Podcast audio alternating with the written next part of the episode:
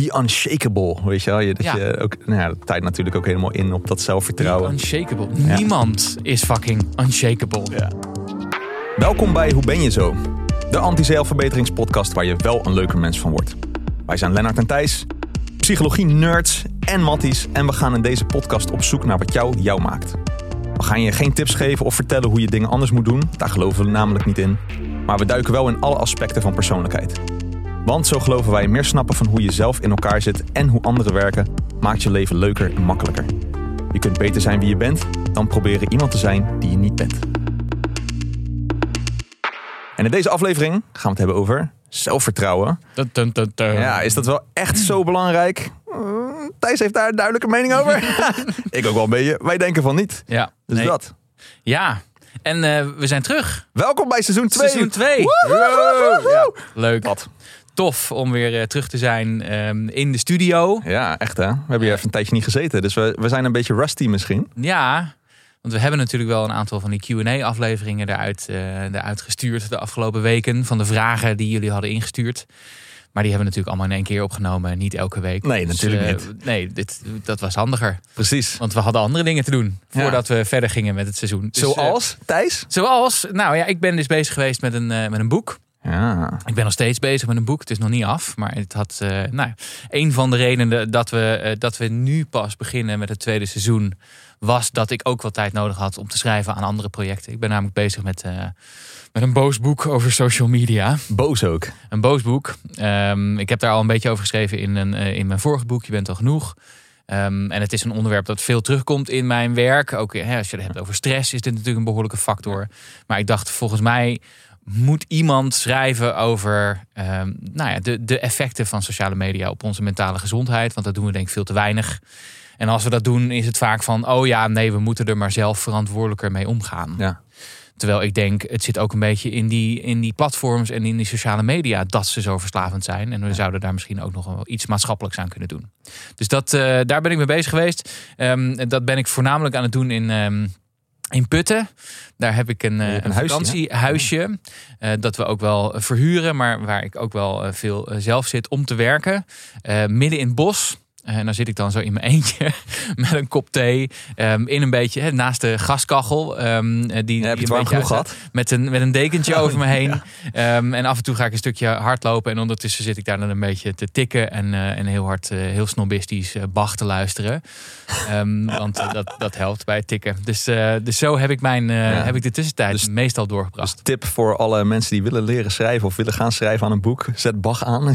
Ja, we hebben het eerder gehad in een aflevering over, eh, over de vraag of, of Mozart luisteren als kind Oh ja. nou zorgt dat je een hogere intelligentie hebt. Dat niet. Maar ehm, voor mij werkt Bach luisteren heel goed als ik aan het schrijven ben. Maar Ja. het is niet alleen maar Bach hoor. Het is soms ook gewoon knijterharde death metal. Oh ja? Ja. het van het ene uit naar het andere uit. Ja. Because why not? eh, ja, het is ook wel fijn dat ik dan. Ik hoef, me niet, ik hoef geen rekening te houden in die blokhut waar ik dan zit. de- met, met wie dan ook. Dus dat is wel heel fijn. Nou, ik denk wel een belangrijk boek wat je aan het schrijven bent, Thijs. Dus ik ben blij dat je het doet. Dus, Ja. eh, ik ben heel benieuwd.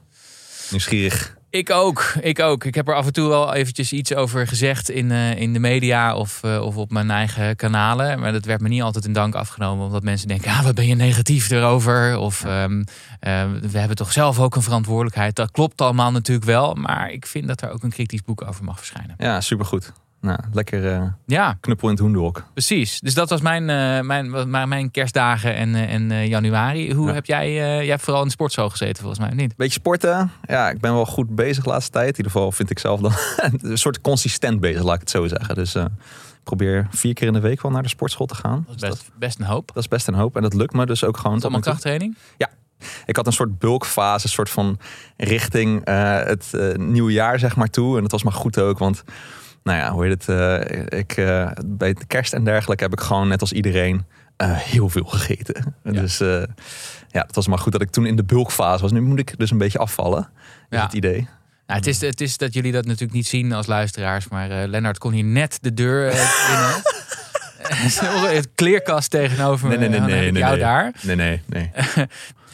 Misschien een, een mooi bruggetje naar het onderwerp. Doet het nou iets voor je zelfvertrouwen? Nou ja, ik denk het wel. Ik denk dat als ik er wat lekkerder uitzie, of lekkerder uitzie, godverdamme. Jezus. niet lekker eruit zie. Als ik er gewoon wat gevoelsmatig wat beter uitzie voor mezelf. Lekker, gewoon lekkerder in je vel zitten. lekkerder in mijn vel zit. Niet lekkerder ben per se. dan, dan, ja, maar dan, ja, dan denk ik wel van, nou, dit- ja, looking good. En ik voel me ook gewoon, weet je, door het sporten zelf en het gezond en goed eten, zit je ook gewoon automatisch wat lekkerder in je vel. Eh, zeggen. Dus, als uh, ja. Mens Health belt, dan sta je daar in Nope. principe voor open. Oh. Nee, ja, ze mogen, ik denk, they- they're never gonna call me. Maar hey, als ze het willen, I don't care. Ik ga wel in mijn onderbroek staan. Dat boeit, boeit mij niet zoveel.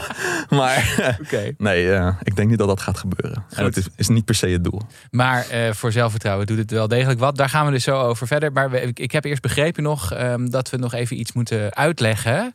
Ja, Ehm, en dat is dan, eh, we vinden het natuurlijk heel leuk om deze podcast te maken. En we vinden het ook heel leuk dat jullie luisteren. zeker. Eh, maar er zijn mensen die niet weten dat als je op Spotify bijvoorbeeld op het knopje volgen drukt, Ja, een beetje bovenaan. dat, dat, dat, dat er dan dat je en de hele tijd te horen krijgt wanneer er weer een nieuwe aflevering is. Dus dan hoef je Yes. niet zelf te kijken. En wij krijgen er heel veel kudo's voor. Juist. En die kudo's vertaalt zich in dat wij wat hoger in ranglijstjes komen. En dat willen we natuurlijk. En dat vinden wij superleuk. Ja. Want dat boost ons eigen zelfvertrouwen Precies. natuurlijk ook. Ja. En eh, dan zijn er misschien wel wat meer mensen die sneller gaan luisteren. Want ja, je kijkt toch een beetje wat staat hoog in de ranglijsten. En is dat wat voor mij. Dus wil je ons een beetje steunen? Vind je het leuk, deze podcast leuk? Volg ons dan op Spotify. Dat helpt ja, enorm. dat is fijn. Het is niet, we hebben er geen controle over natuurlijk. Dat is de, het onderwerp voor volgende week. Ja. Maar het doet wel een hele hoop voor ons zelfvertrouwen. En eh, jullie helpen ons daar ehm, tegen geen enkele kost aan ju- jullie kant eh, erg mee. Dus bij deze heb je nu gedrukt. Doe dat. Dankjewel. Dankjewel.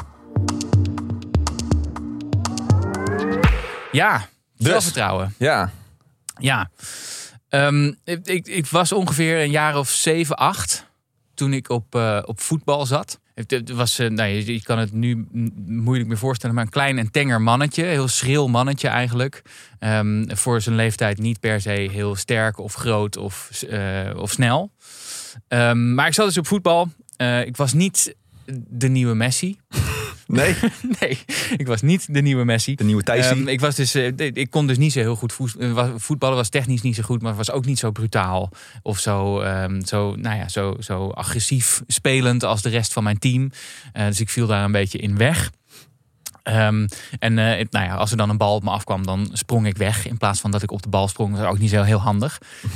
Dus mijn zelfvertrouwen was niet zo, niet zo heel hoog. Ehm, wat, wat niet alleen eh, eh, mij was opgevallen, maar ook de rest van mijn team. Waardoor ik niet zo populair was in het team. Maar ook mijn eh, trainer, die me dan wel eens achteraf na zo'n weer zo'n wedstrijd waar ik een hele hoop mensen in de weg had gestaan. In plaats van goed had meegevoetbald. Ja. Riep hij me dan naar, naar zich toe. En dan had hij een soort speech voorbereid. En dan kwam er eigenlijk altijd op neer dat hij zei: Thijs, het is helemaal niet zo moeilijk met dat, met dat voetballen. Je moet gewoon wat meer zelfvertrouwen hebben. Dan ga je, gaat het vanzelf een stuk beter met dat voetballen. En ik weet nog dat ik dat toen al eh, een beetje een opmerkelijke, eh, opmerkelijk idee vond. En dat, eh, dat ook toen al het, het tegenovergestelde me wat waarschijnlijker leek. Niet zozeer dat ik, ehm, als ik meer zelfvertrouwen zou krijgen, een stuk beter zou kunnen voetballen. Mhm. Maar als ik een stuk beter zou kunnen voetballen, dat ik dan een stuk meer zelfvertrouwen zou hebben. Juist. Dus ehm, daar moet ik altijd aan denken als ik, als ik het heb over zelfvertrouwen. Ja. Eh, want dat is wel. volgens mij ook een beetje het misverstand over Ja. zelfvertrouwen. Ehm, wel goed om, om, er, om er in deze podcast even bij stil te staan, denk ik. Want ehm, het is natuurlijk wel iets waar we snel aan denken als we het hebben over persoonlijkheid. Mhm. Heeft iemand wel of niet zelfvertrouwen? Maar waar ik ook een beetje kritisch over ben. Ja, ik hoor het in je stem al. maar wat Ja. deed het uiteindelijk dat hij dat dan elke keer tegen je zei? Wat deed dat dan met jouw zelfvertrouwen? Nou, eh, ik denk dat het daar ook niet, he- niet heel erg in heeft meegeholpen. Hè? Nee. Dat ik dacht, oh ja, dat heb ik dus blijkbaar ook al niet. Ja. Ik kan dan niet zo goed voetballen. En dan ook geen En zelfvertrouwen heb ik hebben. ook geen zelf. en Wat je nodig hebt. Ja, precies. Blijkbaar heb ik dat wel nodig en dan heb ik dat niet. En was er ook, was er, waren er ook tips die hij gaf dan over Nee, hoe je zelf... Nee, dus hij zegt, je, verbeter je zelfvertrouwen. Ja, maar hoe ja, dan? krijg gewoon je zelfvertrouwen op. Heb, heb- geloof gewoon wat meer Ja. in jezelf en dan komt het vanzelf goed. Ja, hashtag hoe dan? Precies. Alright. Dus, eh, en nu? Hoe is het nu met je zelfvertrouwen? Hoe, hoe zit ja, dat? ik denk dus wel dat dat iets is. Ik, ik vraag me sowieso af of zelfvertrouwen een heel eh, handig kader is om Mhm. over na te denken. Maar we zullen straks daar nog wel op, inkomen, hè, op, op, Ja. op, op ingaan op het moment dat we hebben over wat het is zelfvertrouwen Ja. eigenlijk. Uh-huh. Ehm, maar ik denk wel dat ik vroeger als kind heel weinig zelfvertrouwen had. Dat ook een heel gevoelig type was, heel gevoelig kind was en ook wat moeilijker daardoor meekwam. Mhm. En dat ik dat eigenlijk pas zo in mijn middelbare schoolperiode op mijn 15e, 16e een beetje begon te leren. Juist. Ehm, en dat was eigenlijk pas niet zozeer omdat ik heel keihard aan mijn zelfvertrouwen aan het werken was of zo. Want ik geloof niet in dat dat heel erg helpt. maar dat was eigenlijk pas toen ik, toen ik een groep vond, een peer group vond van, van gelijkgestemden waar ik bij hoorde. En waar ik verbinding mee had en waar ik ook een beetje in werd opgenomen. Juist. Toen pas begon ik wat meer in mezelf te geloven. Ja. Ehm, maar ik denk niet dat, ik, dat dat iets is dat ik, heel, dat- ik ehm, heel bewust heb gedaan in een therapie of een coachingstraject. Ehm, maar dat dat, dat dat langzamerhand is gekomen met mijn positie binnen een groep waar ik toen zat. Ja, ja, ja. Je werd meer geaccepteerd. Ja. En dus het was meer de buitenwereld die jou het zelfvertrouwen uiteindelijk gaf.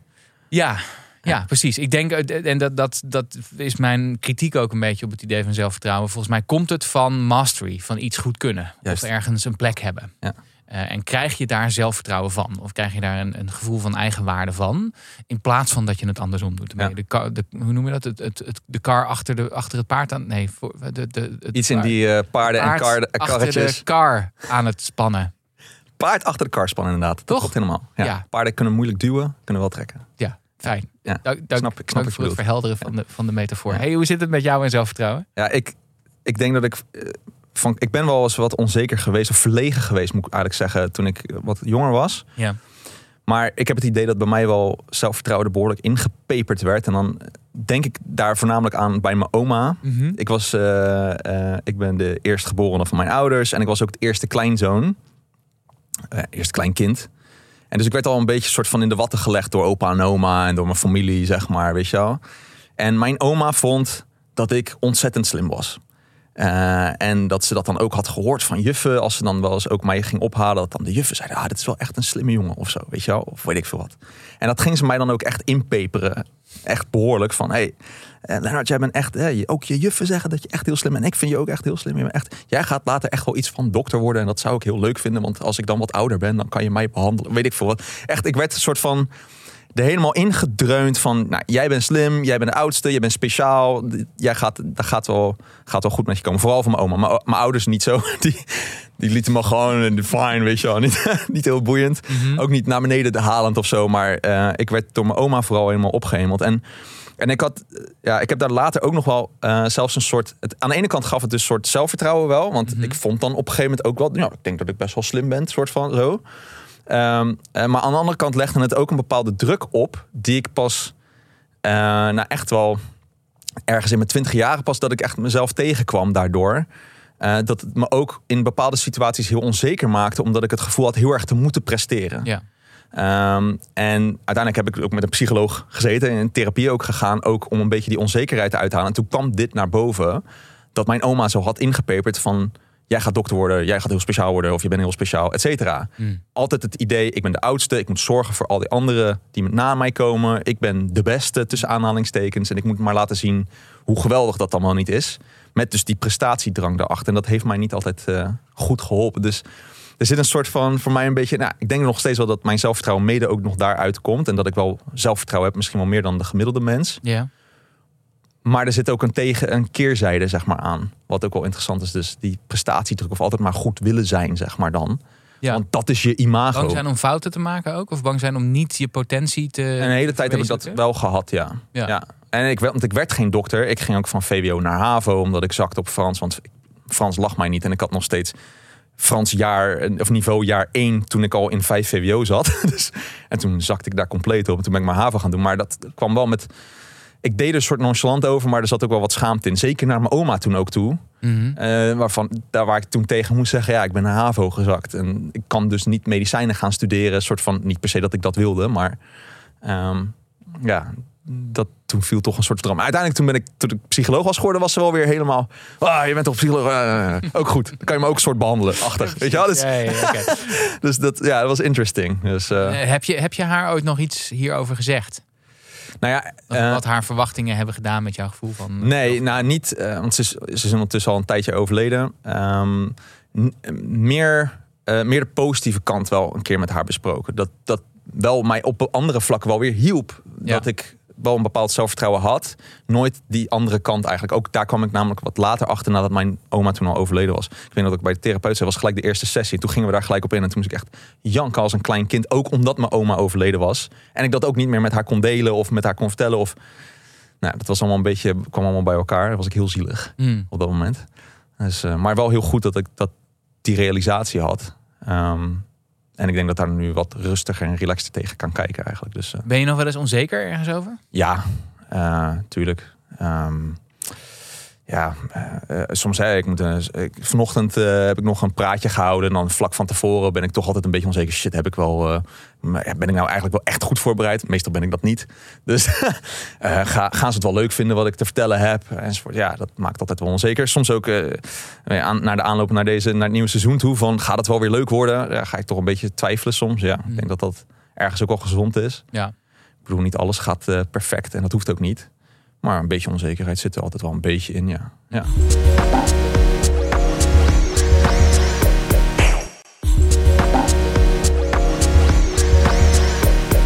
Oké, okay. maar Thijs, wat ja. is, uh, wat, wat is, nou wat is zelfvertrouwen? Ja, dat is eigenlijk al een, een hele ingewikkelde vraag volgens mij. Want um, ik heb het idee dat, dat, dat het concept zelfvertrouwen heel erg centraal staat in hoe we naar mensen kijken. En hoe we naar kinderen kijken en wat belangrijk is om te benadrukken.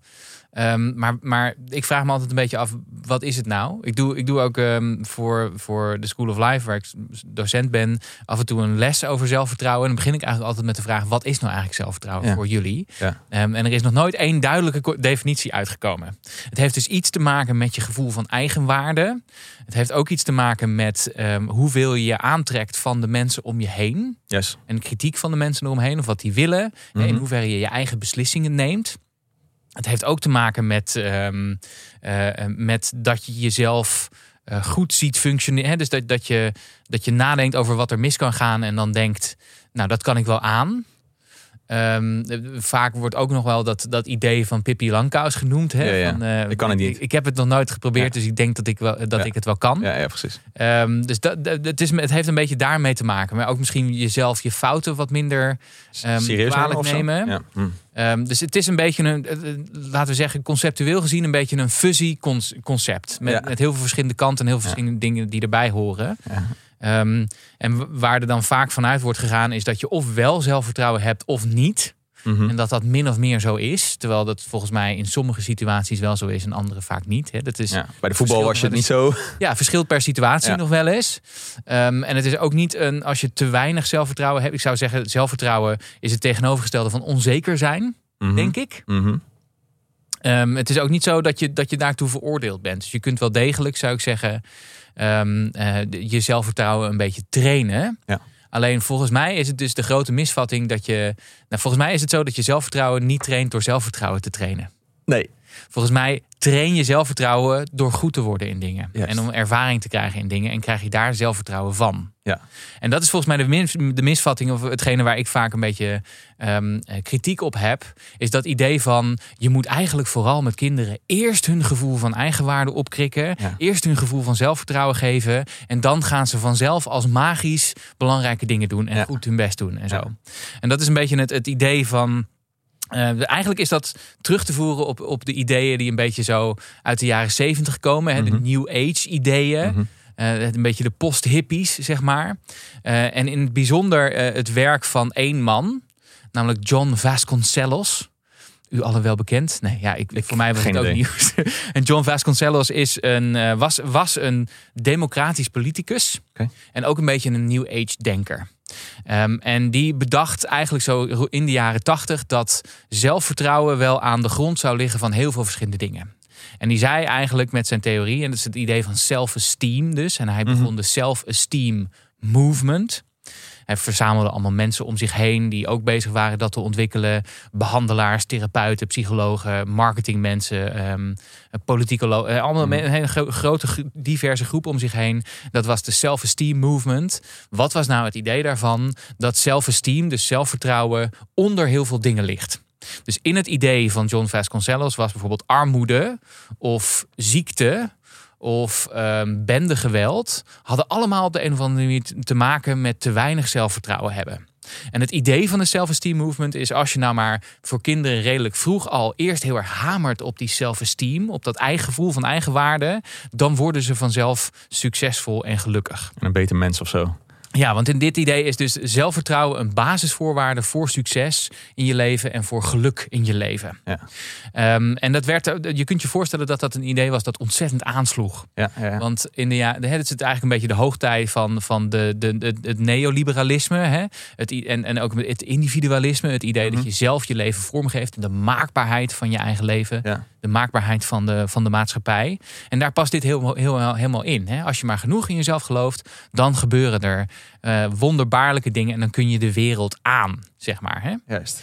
Uh, en het gaat ook, en daar zullen we straks nog wel over hebben, eh, onder, onder eigenlijk al die, die, die New Age coachingsfilosofieën zitten. Hè? Van, of het nou over NLP gaat of over Tony Robbins. Ja. Dat ligt er allemaal onder. Ja. Um, en het was eigenlijk, dit was dus midden jaren tachtig. Toen is dat dus een soort olievlek over het onderwijssysteem heen gegaan. En ook in business en management werd dat hetgene om je op te richten. Je moet helemaal vol op het orgel van die zelf, zelfvertrouwen, zelfesteem gaan. En het duurde eigenlijk pas tot midden jaren negentig tot ze hebben gekeken van, is dat eigenlijk wel zo? He, dat de APA, dus de American Psychological Association, een soort taskforce heeft gemaakt. En die is gaan kijken naar wat weten we nou uit de onderzoeken over zelfesteem. Is het wel zo dat zelfesteem, zelfvertrouwen, een goede voorspeller is voor levenssucces en voor geluk?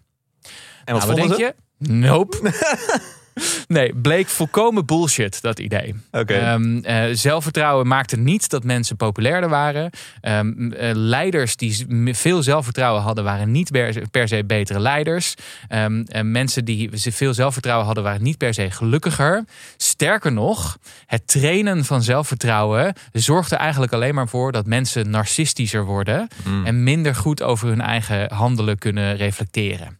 Um, dus dat moet je denk ik wel weten als je uitgaat van het idee van je moet eerst kinderen heel veel zelfvertrouwen geven Juist. en dan volgt de rest vanzelf. Dat is dus niet zo. Ja. Ik vraag me ook wel af of mijn oma dan ook in die movement. Nou, het was denk- een beetje de dominante manier van, de- van hier naar kijken hè, Ja. in die tijd. Ja. Um, en dat, dat, dat klopt ook eigenlijk wel in dus die New Age filosofieën van je hebt een eigen, ze- als je jezelf maar heel goed kent, dan sta je helemaal in contact met jezelf. En, Ja. eh, eh, was, nu, was nu ook aan het begin van het jaar weer Tony Robbins of zo. Dat je weer een of mee kon doen met eh, een be unshakable. Weet je wel? Je, dat Ja. je ook, nou ja, dat tijd natuurlijk ook helemaal in op dat be zelfvertrouwen. unshakable. Niemand is fucking unshakable. Ja, ja, Niemand. ja. Maar dan Eh, komen ze ja, natuurlijk soms, sommige mensen die narcisten zijn, zijn unshakable, zou ik zeggen. Nou ja, dat is wel een van de dingen waar ik ook altijd wel een beetje voor mezelf bang voor was. Is dat soort van die, dat zelfvertrouwen soms te ver doorsloeg naar mogelijk arrogantie. Ja. Of narcisme, hoe je het ook wil. Ehm, en dus daar was ik dan ook alweer een beetje op een bepaalde manier huiverig voor. Dus dan ging ik me soms weer een beetje expres wat meer Ja. bescheiden opstellen. Omdat sommige mensen mij ook wel een beetje aankeken van... Jezus, weer komt die arrogante lul weer voorbij. Ja, Ehm, dus ja, inderdaad, ik denk dat die, ja, het is wel mooi wat je zegt ook dat, eh, dat je zelfreflectie misschien daar een beetje, eh, een beetje omlaag van gaat als je dat te veel ga- gaat geloven van jezelf. ja en eh, als je heel veel. En als, we hebben die natuurlijk vorige, vorige seizoen heel erg gehad over de Big Five. Mhm. En ik denk dat ook dat, dat zelfesteem of zelfvertrouwen heel erg samen te vatten is een aantal van die, van die persoonlijkheidskenmerken. Ja. Dus ook dat het idee dat je dat heel erg kunt trainen.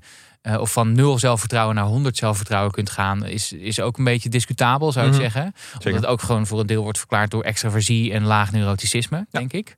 Ehm, Ja. Misschien nog, zijn er nog andere? Ja, dus eh ook conscientieusheid schijnt. Ik heb, ik heb Ja. toen, eh, ik heb even mijn research gedaan, zo'n nerd als ik ben. Wat ik ook trouwens wel grappig vond, voordat ik daar op die Big Five nog verder inga.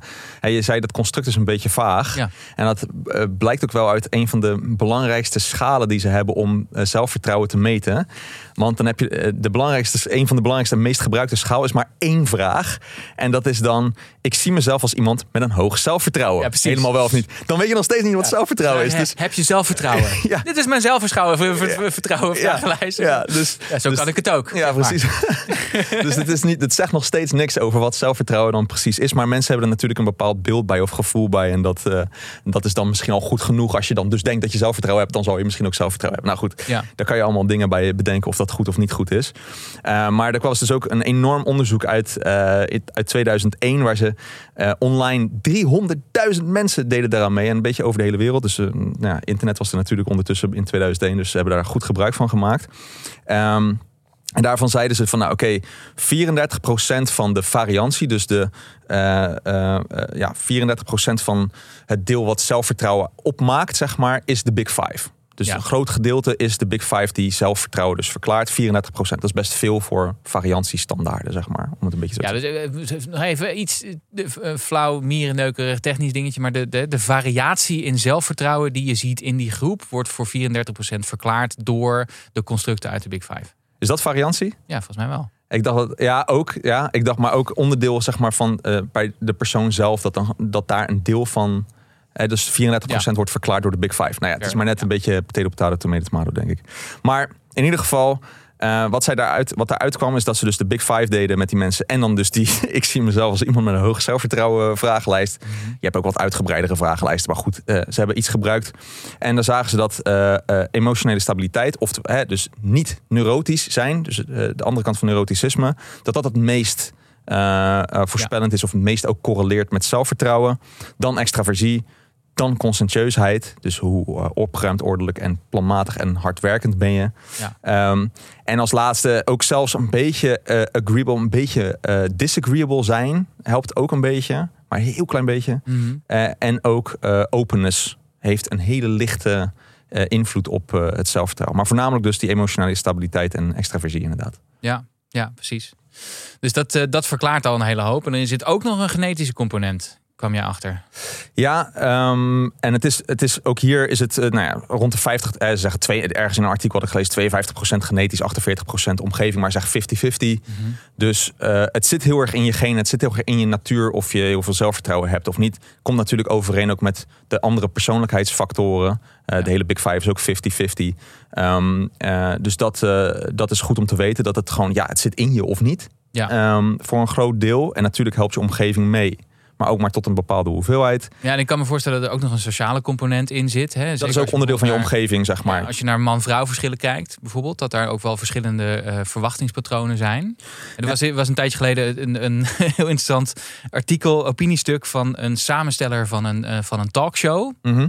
En die zei: Ja, eh, ik, ik, ik probeer altijd een divers panel samen te stellen. Want de, de klacht is heel veel op, op talkshows heb je eigenlijk voor, voornamelijk witte mannen die zitten te praten. Ja, Dezelfde. ja. Ehm, en eh ze zei van ja. Maar dat komt ook. Ik probeer dus heel veel vrouwen te bellen daarvoor. Maar die zeggen heel makkelijk: ja, maar ik ben niet de beste daarin. En je kunt, er zijn veel grotere experts. Misschien Ja. moet je dan iemand anders vragen. Terwijl mannen dan over het algemeen zeggen: ja hoor, doe ik wel. Kan Ja. ik wel iets over zeggen. Ja, ja, ja.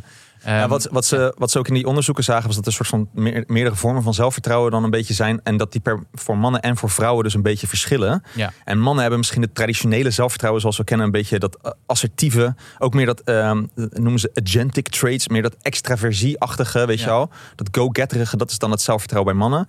En bij eh, vrouwen wordt dat hoge zelfvertrouwen gekoppeld aan wat ze noemen communal traits. Wat meer agreeableness is. Dus de vriendelijkheid en eh, aanwezig zijn binnen je gezin en, en dergelijke. Ja, dan ga je misschien minder snel naar talkshows.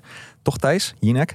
Ehm, en ehm, eh, dus dat was een hele interessante uitkomst. Maar voor de rest keken ze ook naar seks, eh, verder etniciteit, nationaliteit, leeftijd en sociale kast. Daar maakt het allemaal niet op Nee. uit. Oké. Dus dat was wel interessant. Ik vind go-getterig wel een mooi woord trouwens. Maar goed. Ehm, even dan, misschien afrondend. Hè, want ik, ik zei al, ik, ben, ik heb best wel wat, wat kritiek op het idee van self-esteem en self-esteem training. En dat is ook een beetje wat. Nou ja, wa- waar ik soms een beetje kritisch op ben op. ehm, eh, oh, wat gaat er nu gebeuren? Ja, kijk, we hebben nu een nieuw segmentje in, Ja. eh, in onze podcast, jongens. Oké. En ja. dat heet... De rant. Ja. Oké, en nou heb ik dus een minuut om een rant te doen. geloof Ja, ik. je hebt een minuut, vriend. Succes. Ehm, Oké, ja, dus ik, waar, ik, waar ik echt een beetje giftig van word, zie je, ik ga nou ook wat, wat dwarser ook meteen mee. Ja. doen. Waar ik een beetje giftig van word, is dat idee, dat waanidee, dat voornamelijk dus een beetje uit de New Age komt van mindset. Alles is mindset. Ehm, je moet maar denken dat je iets kunt en dan kun je het ook gelijk. En dat is het belangrijk om aan te werken. Een beetje de kant van de NLP'ers of de, de Michael Pilarcheks van deze wereld. The secret. of, eh, de, de, de secret inderdaad. Hè? Dus het idee van als je maar hard genoeg wil, dan komt het uit de universum je kant, eh, universum je kant op. En het, is altijd, het gaat zo erg over ik. Wat wil ik? Wat zijn mijn doelen? Wat zijn mijn intenties? Hoe voel ik mij? Het gaat dus heel erg over het, het individu. Terwijl volgens mij nou net zelfvertrouwen komt van snappen dat je een plek hebt in de wereld.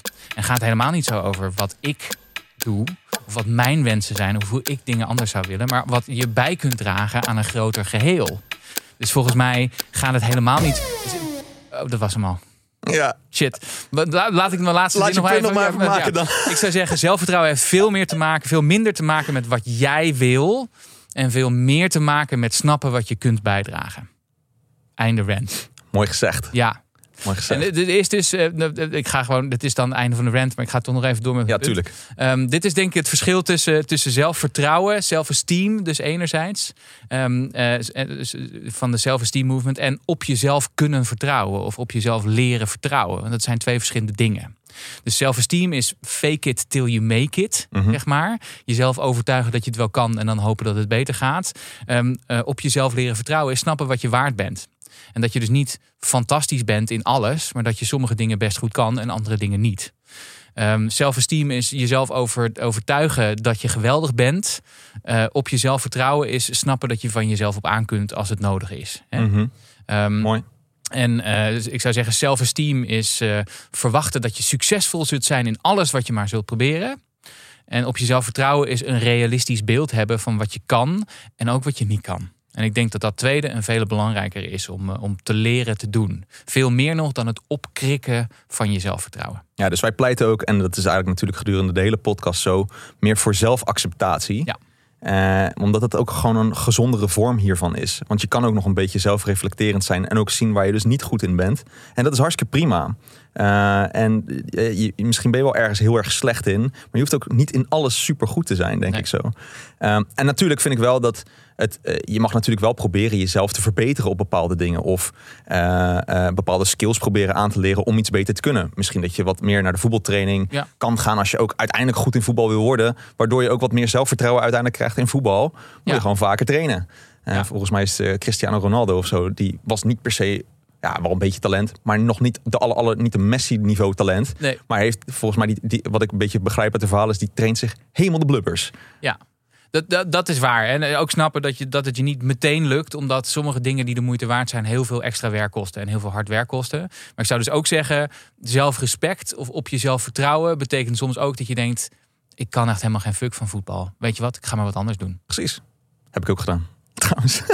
ik bak er ook niks van. Wat, Maar eh, wat moet je ermee? Wat, wat, moeten we hiermee? Ja. Ja, nou, hè? Ja, nou, je wordt natuurlijk wel door verschillende zelfhulpgoeroes daar dus een beetje mee doodgegooid. Met eh, probeer je zelfvertrouwen dus omhoog te krikken. Be unshakable. En allemaal dat soort dingen. Ehm, blijf lekker vooral zelf nadenken, zouden wij zeggen. Eh, en, en, en ook jezelf relativeren in sommige opzichten. Ja. Ehm, ga niet proberen heel erg de, je zelfvertrouwen dus alleen maar op te krikken, zoals Thijs de hele tijd zegt. Eh, maar eh, probeer juist de dingen doen waar je goed in bent. Maar wat ik ook wel leuk vond, wat je aan het begin zei, ehm, waardoor jouw zelfvertrouwen ook een beetje omhoog is gegaan, is dat je je omringt met mensen die jou ook accepteren zoals je bent. En dan ga je ook lekkerder in je vel zitten en dus ook misschien wel wat meer vertrouwen krijgen in jezelf. Ehm, dus het Ja. is niet alleen maar de mastery kant, het is ook misschien wel de connectedness of ergens relaties hebben die jou voeden, accepteren zoals Ja. je bent. Ja, nee, ik zit te denken, het is inderdaad het verschil tussen fake it till you make it en make it until you don't have to fake it anymore. Mooi gezegd. Ehm, dus ik denk, ja, dus in plaats van proberen je zelfvertrouwen op te krikken, zorg dat je dingen goed leert te doen. En dat is misschien, denk ik ook, hè, als je het hebt over dat idee in het onderwijs, dat er ook nogal veel, eh, veel bestaat, dat je eerst mensen zelfvertrouwen moet geven, kinderen zelfvertrouwen Mhm. moet leren en dan pas dat ze goed dingen kunnen gaan doen. Dat is dus andersom, zou ik zeggen. Ja, precies. En in een bepaalde opzichten is kinderen of jongeren heel veel zelfvertrouwen geven voordat ze überhaupt iets heel goed kunnen, ook nog wel gevaarlijk, want dan ga je buiten je schoenen lopen. Ja. En dan denk je dat je het allemaal heel fantastisch kan, terwijl er helemaal niet zoveel achter zit, zeg maar. Hè? Ja. Eh, dus ja, dus nee, in het onderwijs ga niet de hele tijd zitten op het, op het krikken van je zelfbeeld. Maar zorg dat de prestatiedruk er een beetje afkomt. Allah natuurlijk.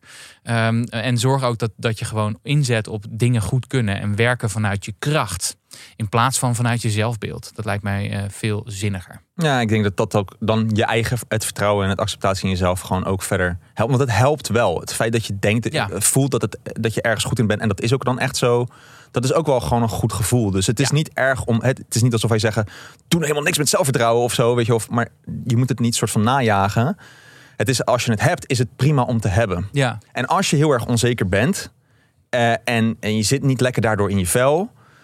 Nou, wij zijn natuurlijk psycholoog. Ga naar een psycholoog, want Ja. dat helpt je wel degelijk. Er zijn genoeg. Eh, therapie lijkt eh, ook heel erg goed aan te duiden dat dat ook helpt om je zelfvertrouwen op bepaalde vlakken ook omhoog Als te een trekken. gebrek aan zelfvertrouwen je nou keer op keer in de weg zit in je leven, Yes. ja, dan werkt therapie of ja, dan werkt daaraan werken in beperkte zin. Ja. Naar de onderkant toe, zeg maar. Hè? Maar niet zozeer om veel meer zelfvertrouwen te hebben dan nou ja, wat, wat, wat gerechtvaardigd is. Nee, en uiteindelijk ga je in de therapie het ook niet hebben de hele tijd over wat is zelfvertrouwen of eh, be, eh, weet je wel, be unshakable, bladibladibla. Maar meer ga je naar kijken naar wat zijn de patronen in je leven en hoe ga je dat accepteren, zodat je ook jezelf gaat accepteren wederom. En daardoor dus het vertrouwen gaat krijgen. Precies genoeg zelfvertrouwen hebben om jezelf weer te kunnen vergeten, zou ik zeggen.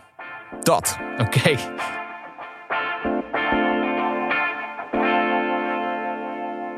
Post. Ja, want we krijgen natuurlijk nog steeds vragen. En we doen dit, dit, keer een beetje aan het eind van de podcast. Leek ons wel leuk als eh, een beetje variatie. Eh, we krijgen superveel vragen van jullie nog steeds. Eh, ook tijdens de hele Q&A-ding en de, tussen de seizoenen door... kregen we nog steeds wat vragen. Dus super bedankt daarvoor. En met alle liefde gaan we die natuurlijk ook weer behandelen. Dus eh, Ja. Zal ik hem eh, voorlezen? ga je gang, meneer. Ehm, dit is, ik, ik ga hem een beetje samenvatten hoor. Een beetje mosterd naar de maaltijd, zegt deze vraagsteller. Ik heb recent jullie podcast ontdekt en nog bezig met seizoen 1. Ik luister het in de auto, feest van herkenning. Ehm, maar dan komen we bij werkpaarden versus showpaarden. Hè, conscientieusheid. Eh, en daar slaat mijn twijfel over deze Big Five methode toch een beetje toe. Want enerzijds ben ik een werkjunk en kan ik me verliezen in mijn werk. Heb ik hele lijstjes en maak ik altijd planningen, zelfs op vakantie. en heb ik alles schoon en strak en krijg ik rust in mijn hoofd van mijn plan tot van A tot Z doorvoeren. Ehm, maar anderzijds ben ik ook degene die altijd alles kwijt is. Binnen een halve dag het huis een ontploffingsgebied kan veranderen. en ben ik de grootste chaot die veel mensen, kunnen, ik, eh, veel mensen kennen. Dus hoe kan je het een schaal noemen als de twee uitersten in één hoofd kunnen leven? Ja, leuke vraag. Ja, Ehm, kijk, je moet een beetje denk ik zien dat het is natuurlijk een spectrum. En jouw score heeft een bepaalde bandbreedte. In ieder geval, zo zie ik het een beetje. ja. En bij de ene is dat heel erg klein. Dus die, die zit dan specifiek op... eh, Stel dat je in het midden zit en je, en je hebt een kleine bandbreedte. Ja. Dan heb je continu een beetje van beide. En dat verschilt per situatie uiteraard. Enzovoorts. Bij die andere is de bandbreedte wat groter. Waardoor je misschien de extreme van dat spectrum ja.